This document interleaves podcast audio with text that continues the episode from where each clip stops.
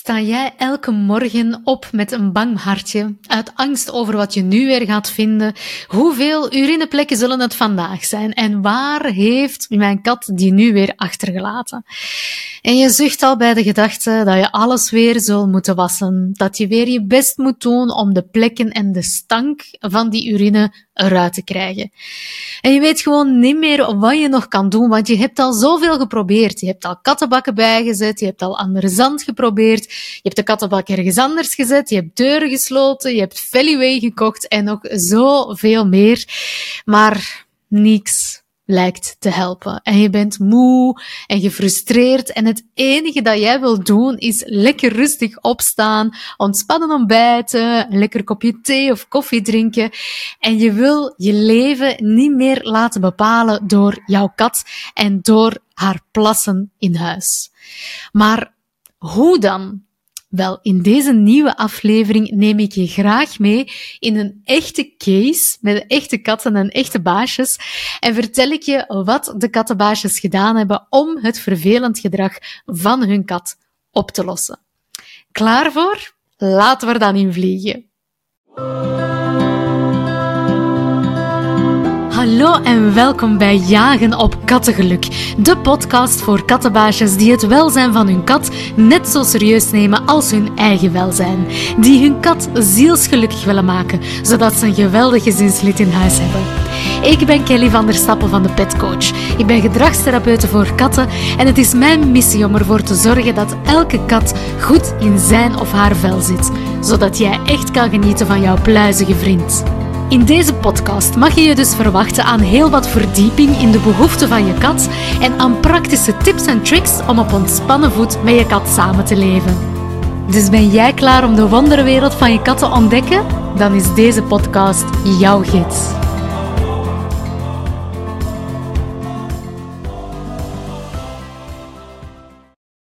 Onzindelijkheid of sproeien zijn de gedragsproblemen waarvoor kattenbaasjes het vaakst bij mij aankloppen. En ik snap helemaal waarom. Want hoeveel stress geeft dat niet? De tijd en de energie dat je daarin steekt om die urine of die kakjes te poetsen, de stank dat dat veroorzaakt in huis.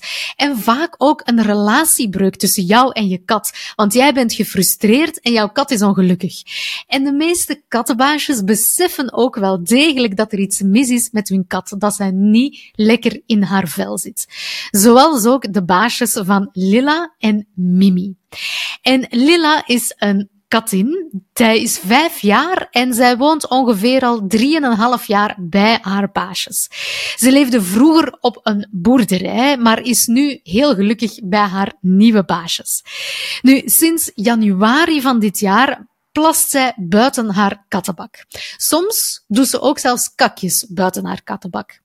Nu, die baasjes die hebben direct natuurlijk Lila heel grondig laten onderzoeken door de dierenarts, maar de dierenarts heeft niets gevonden.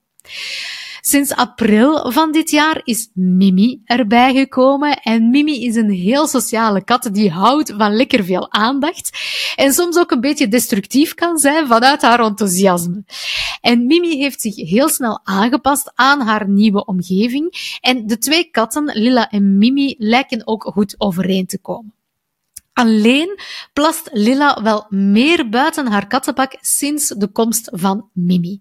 En zij plast eigenlijk zo goed als altijd in de zetel.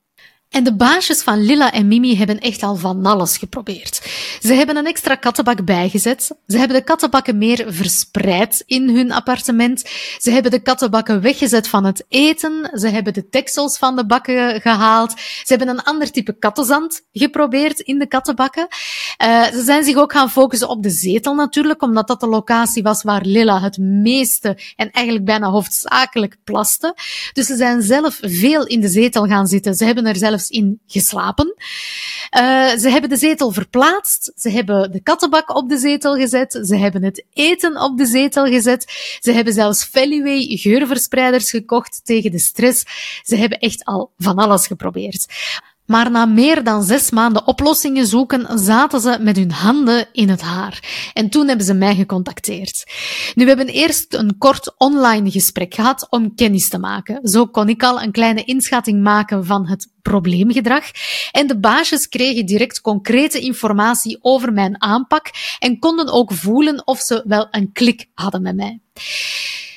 Dat hadden ze gelukkig en we zijn samen aan de slag gegaan. En het eerste dat ik die kattenbaasjes heb laten doen, is een vragenlijst invullen. En dat is een uitgebreide vragenlijst, maar dat is voor mij belangrijk omdat ik zoveel mogelijk informatie wil verzamelen over die katten. En ik had hen ook gevraagd om enkele filmpjes van de katten te bezorgen. Ik heb die informatie verzameld, ik heb die filmpjes bekeken en dan hebben we samen een gesprek gedaan van ongeveer anderhalf uur, een echt intakegesprek, waarin ik nog veel meer vragen heb gesteld om mij echt volledig in te kunnen leven in die katten, in die leefomgeving, om echt concreet te kunnen begrijpen wat er met de katten aan de hand was. Daarna heb ik een diagnose gemaakt en een behandelplan opgesteld.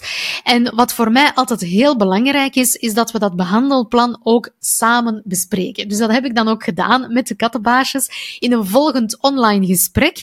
Een echt adviesgesprek dat anderhalf uur geduurd heeft. En Waarom is dat nu zo lang? Wel, dat is natuurlijk nodig om dat behandelplan eerst helemaal uit te leggen. Dat zij ook begrijpen van oké, wat is er met onze katten aan de hand en hoe kunnen we dat oplossen?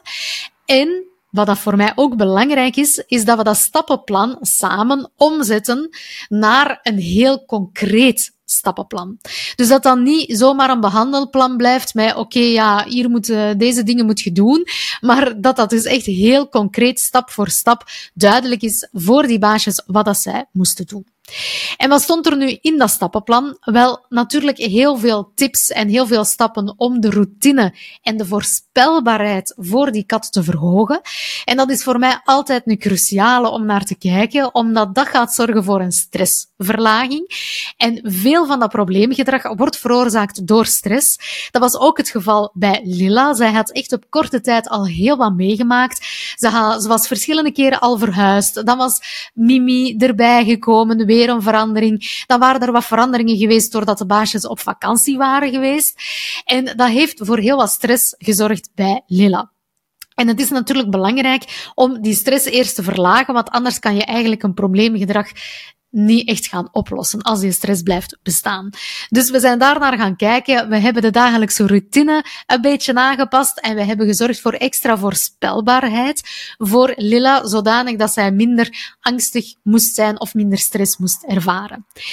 We hebben ook een aantal kleine dingen in de leefomgeving aangepast om te zorgen dat die echt zo optimaal mogelijk is voor de katten. Dus we hebben bijvoorbeeld um, extra krapmogelijkheden bijgezet. Um, we zijn echt gaan kijken van oké, wat is nu de goede locatie voor het eten, voor het water, voor de kattenbakken um, en voor het slapen. Dus dat hebben we ook samen geoptimaliseerd volgens wat dat er mogelijk was voor de baasjes, uiteraard.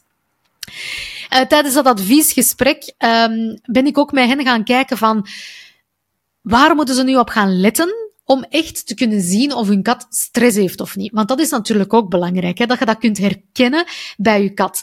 Dus we hebben samen over de lichaamstaal van katten gepraat en ik heb die baasjes heel wat tips gegeven over waar dat ze concreet naar kunnen kijken om te weten, is mijn kat hier nu gestresseerd of niet. En dan inderdaad zijn we uh, samen gaan kijken naar een trainingsschema voor Lilla. En dat was voor mij een belangrijk onderdeel ook van het behandelplan, omdat natuurlijk Lilla zo lang, zoveel maanden buiten haar kattenbak had geplast, geplast en um, zij had natuurlijk geleerd voor zichzelf van, ah, die zetelieren, dat is echt de meest veilige, de meest fijne plaats om mijn behoefte te doen. En zij zou natuurlijk nooit uit zichzelf zomaar terug op de kattenbak gaan. Hoe dat we die misschien ook zouden optimaliseren, die kattenbak, hoe dat we haar leefomgeving zouden optimaliseren, haar stress naar beneden zouden krijgen, dat was nooit voldoende geweest om haar terug op die kattenbak te krijgen. Want voor haar was de zetel de meest geweldige plek om haar behoefte te doen. Dus we hebben een trainingsschema opgesteld, um, volgens wat ook natuurlijk haalbaar was voor die baasjes. Om Lilla te leren dat niet haar zetel, maar eigenlijk de kattenbak echt de meest geweldige plaats is om haar behoefte te doen. En dat is natuurlijk een stappenplan met heel veel kleine stapjes, want dat vraagt natuurlijk wel wat, wel wat werk. Hè? Uh, en dat hebben we dus ook opgemaakt voor Lilla. En die baasjes, ja, die zijn aan de slag gegaan, dus met, uh, met heel dat stappenplan, met dat behandelplan. Zowel met de stressverlaging als met de optimalisatie van de leefomgeving, als met kijken naar lichaamstaal. En ze zijn ook gestart met dat trainingsschema. Nu, tussendoor hebben ze mij natuurlijk ook zo wat kleine vragen gesteld. Uh, dat zeg ik dat ze ook altijd mogen doen. Of een keer een filmpje mogen doorsturen naar mij van een trainingssessie bijvoorbeeld, omdat dat toch niet altijd evident is om dat te doen. En ik kan daar natuurlijk niet altijd, niet altijd bij zijn. Uh, elke dag bij zo'n trainingssessie, dat gaat natuurlijk niet. Maar ze kunnen dat natuurlijk wel filmen en dat hebben ze gedaan. Ze hebben dat naar mij gestuurd. En dan kan ik zo heel kleine dingen bijsturen. Van, goh, ik zou dat misschien vervangen door iets anders. Of uh, daar zie ik jou nu uh, zo reageren. Maar misschien is het voor Lilla beter om zo te doen of om dat te doen. Of om de stap nog kleiner te maken, want mm, ze, ze reageert niet echt, ze is niet echt geïnteresseerd en we maken zo geen vooruitgang in deze stap. Probeer een keer dat. En door gewoon kleine, kleine berichtjes over en weer, um, meestal is dat zelfs maar één of twee berichtjes over en weer, um, kunnen die, die baasjes weer gewoon verder en merkte dat die terug Nu, we hebben sowieso ook wel een follow-up gesprek gedaan, een echt gesprek online. Uh, dat heeft ongeveer een 30 minuten geduurd, uh, omdat de baasjes op een gegeven moment het gevoel hadden dat ze wat vastzaten in een van de stappen in het stappenplan. Uh, want Lilla was terug meer beginnen plassen in de zetel, terwijl dat ze daarvoor eigenlijk een heel positieve evolutie zagen en dat Lilla echt al op de kattenbak haar behoefte uh, ging doen. Um, en ineens was dat terug op de zetel. Dus we hebben dat terug even onderzocht, gekeken van oké, wat is er hier aan de hand? Waarom doet Lilla dat? En we hebben opnieuw uh, het behandelplan een klein beetje aangepast, um, wat extra dingen toegevoegd, wat dingen weggelaten. En dat bleek gewoon terug te werken. Dat was even nodig om uh, uh, terug ja, Lila in gang te zetten en terug verder vooruitgang te laten, te laten maken. Nu, intussen zijn die baasjes nog wel bezig met dat trainingsschema. Dat is nog niet helemaal afgerond, maar zij zien echt wel al vooruitgang. Want zo plast Lila nu niet meer in de zetel. Dus ze hoeven daar geen plastic niet meer in te leggen in de zetel. Ze hoeven geen incontinentiemateriaal niet meer in de zetel te leggen, want Lilla plast nu eigenlijk altijd in de kattenbak. Nu, we zijn nog niet zo ver dat je kattenbak al uit de zetel is. De kattenbak staat nog wel in de zetel, maar niet meer in het midden van de zetel, waar dat Lilla vroeger dus plaste, maar wel al in een hoekje van de zetel en ze plast daar dus al consequent in. Dus dat is echt al een ongelooflijke overwinning. Dat hebben die kattenbaasjes echt ongelooflijk goed gedaan al. En uh, ja, de volgende stap is natuurlijk om die kattenbak echt uit de zetel uh, te krijgen. Maar ik heb er alle vertrouwen in dat die baasjes dat goed gaan doen, dat op een goede manier gaan trainen met Lilla. En dat dat dus ook echt helemaal gaat lukken. Voilà, nu heb jij zelf ook zo'n onzindelijke of een sproeiende kat in huis. Wel, ik zou zeggen, blijf dan zeker nog even luisteren naar de aflevering, want ik heb nog een hele interessante tip voor jou. En voor nu, voor de aflevering, wil ik jou vooral enorm bedanken dat je naar deze podcast luistert, want dat doet mij zo ontzettend veel plezier. Dus dikke merci en tot gauw. Hè.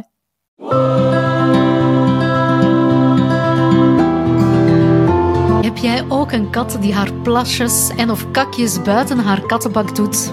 Ben je dat stresserend gedrag grondig beu en zoek je naar een manier die wel werkt om het gedrag op te lossen? Schrijf je dan in voor mijn gratis online infosessie Verlos jezelf van het plasprobleem van je kat. Je krijgt er inzicht in waarom jouw kat buiten haar kattenbak plast of kakt. Je leert wat je best niet doet. Je ontvangt handige poetstips voor de urine en de kattenbak. Je ontdekt de formule om je echt te verlossen van het plassen in huis. En na de infosessie kan je met vijf concrete stappen aan de slag om het plasprobleem op te lossen. En bovendien heb je de mogelijkheid om vragen te stellen tijdens de sessie.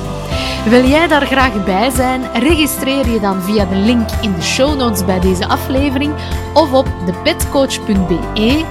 streep verlos jezelf. En dan zie ik je heel gauw. Bye bye!